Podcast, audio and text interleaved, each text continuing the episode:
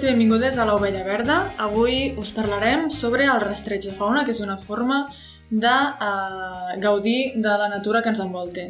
I ho parlarem amb en Christian Luque, que ell és naturalista i rastrejador de fauna, uh, ha treballat també com a educador ambiental, fent censos de fauna i ha col·laborat en nombrosos projectes relacionats amb la fauna silvestre.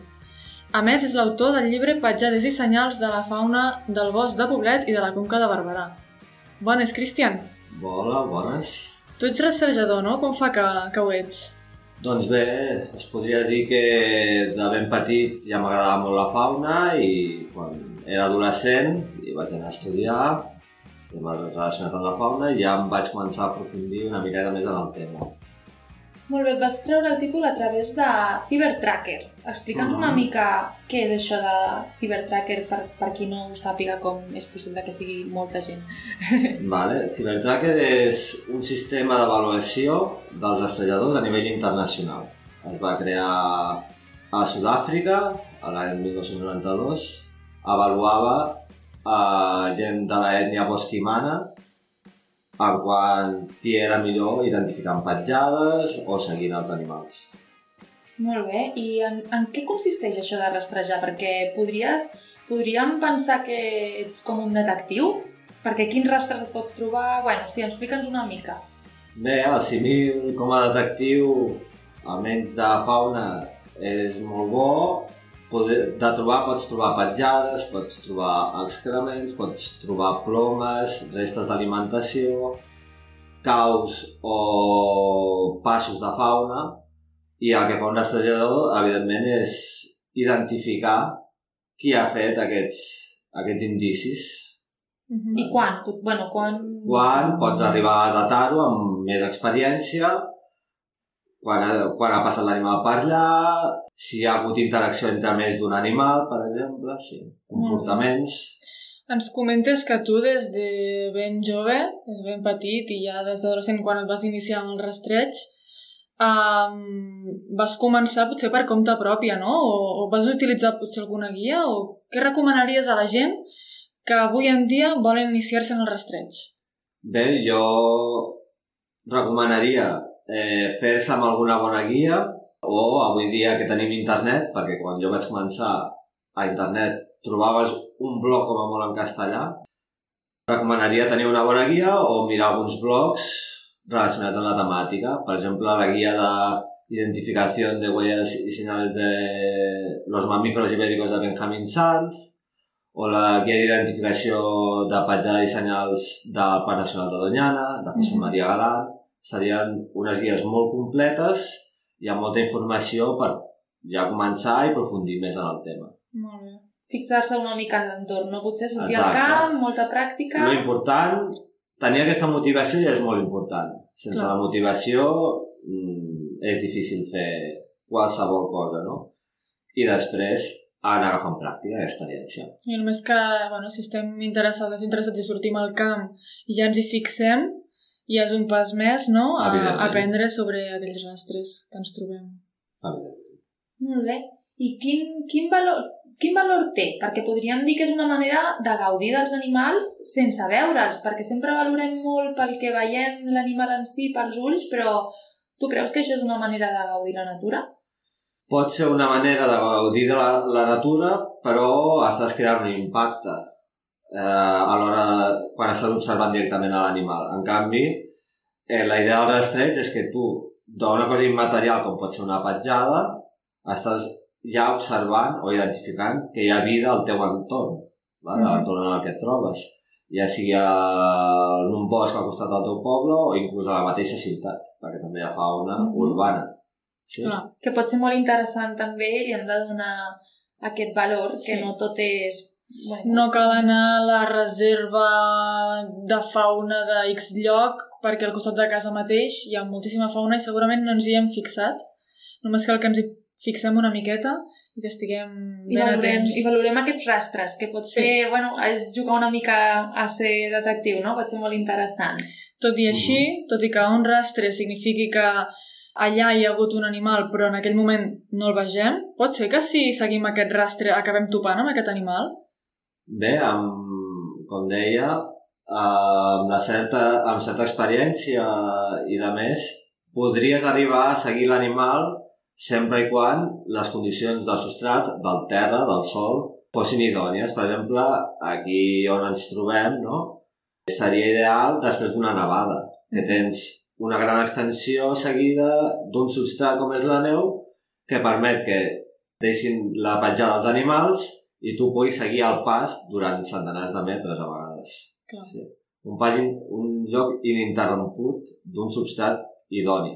Clar, perquè si no hi ha neu, aquí pot ser que l'animal passi per sobre d'una roca i, clar, en aquell moment ja li han perdut el rastre, no? Exactament. O d'un prat, Sí. per exemple. Llavors seria molt difícil arribar a veure'l. Que aquí ja sí que hauríem d'anar acompanyades d'una persona experta, no? Perquè per propi compte deu ser difícil. Bé, seria la manera, però tot i així necessitaries un cop de sort eh, per arribar-lo a veure. Mhm. Sí, sí, molt bé. Ja que, bueno, ja que estem parlant de, de, de rastrejar i com a pràctiques ètiques, el valor i tot, eh, pensem que és molt millor acabar veient aquest animal mitjançant el rastreig que, per exemple, per donar-li de menjar, perquè eh, bueno, aquí des de l'Ovella Verda mencionarem alguna aquesta pràctica ètica que no està molt bé alterar aquest comportament dels animals si una persona o moltes surten al camp cada dia a passejar o anar en bici i li donen de menjar a un exemplar o diversos exemplars com poden ser les guineus i no sé, com que no, no acaba de funcionar molt bé, no, això, en la vida salvatge? Bé, eh, això alterar els comportaments naturals té un risc, i és que la fauna salvatge, sigui una guineu o sigui, per exemple, em venen al cap els porcs senglars de la Serra de Collserola, per exemple, no? Mhm. que baixen a les, a les poblacions perquè hi ha gent que els dona menjar directament i si no baixen a menjar escombraries. És una problemàtica bastant, de bastant risc, perquè un animal salvatge mai saps com reaccionarà realment. Clar. Mm, I que està depenent molt I d'aquell menjar. D'aquella donant. exactament. I s'acostumen, bé, és, és un problema greu. Clar, ja que, ja que parlem de pràctiques ètiques, una cosa que també volíem comentar és que de tant en, de tant en el camp és possible que algun dia et trobis amb una serp, no? A, a moltes persones els hi ha passat. I, I que, a més a més, veiem que popularment les serps estan molt demonitzades perquè doncs, a les pel·lícules mateix les veiem com a éssers assassins, com les dolentes de la pel·lícula, que ataquen, però en realitat el millor és deixar-les en pau, no? perquè no, no et faran res. Cristian, tu, per exemple, has viscut algun atac d'una serp? Doncs, sincerament, un atac directament mai. M'he trobat amb una, unes quantes serps i, evidentment, si tu no t'apropes amb elles o les deixes simplement al lloc on estan, si no vas a molestar-les, mai t'atacaran, al revés, fugiran probablement o es quedaran quietes esperant a que no les vegis. Mm, I que no les hem pas de matar ni molestar ni res. Això- O sigui, és possible que les haguem molestat prèviament, no, no l'haguem vist, i ens estigui mm, mossegant, bueno, no, no s'estigui defensant. però sí, s'està defensant i tu et penses que és un atac, però realment és que abans no, no l'havies vist i potser l'has trepitjat i ni t'has enterat o alguna cosa així. Exactament. Mm. I en el cas de, ja que estàvem parlant de serps, eh, que són rèptils, però en el cas dels amfibis, si ens trobem algun és molt millor no tocar-los. Explica'ns una mica per què. Doncs bé, eh, els amfibis eh, són un grup de vertebrats a dia d'avui el més amenaçat del món. Hi ha diverses enfermetats emergents que tenen a veure amb la humitat que necessiten per viure, vale? Amb els punts d'aigua on viuen ja sigui una bassa, ja sigui un riadol, vale? les granotes, gripaus, tritons o salamandres. I hi ha diverses enfermetats emergents derivades normalment de fongs, però també de bactèries, que es poden escampar quan visitem diferents punts d'aigua, si no ens desinfectem les mans, si no utilitzem guants, si no ens desinfectem les botes, podem escampar aquests fongs d'una bassa a una altra d'un rierol a una altra i propagar aquestes enfermetats i causar que aquestes poblacions desapareguin.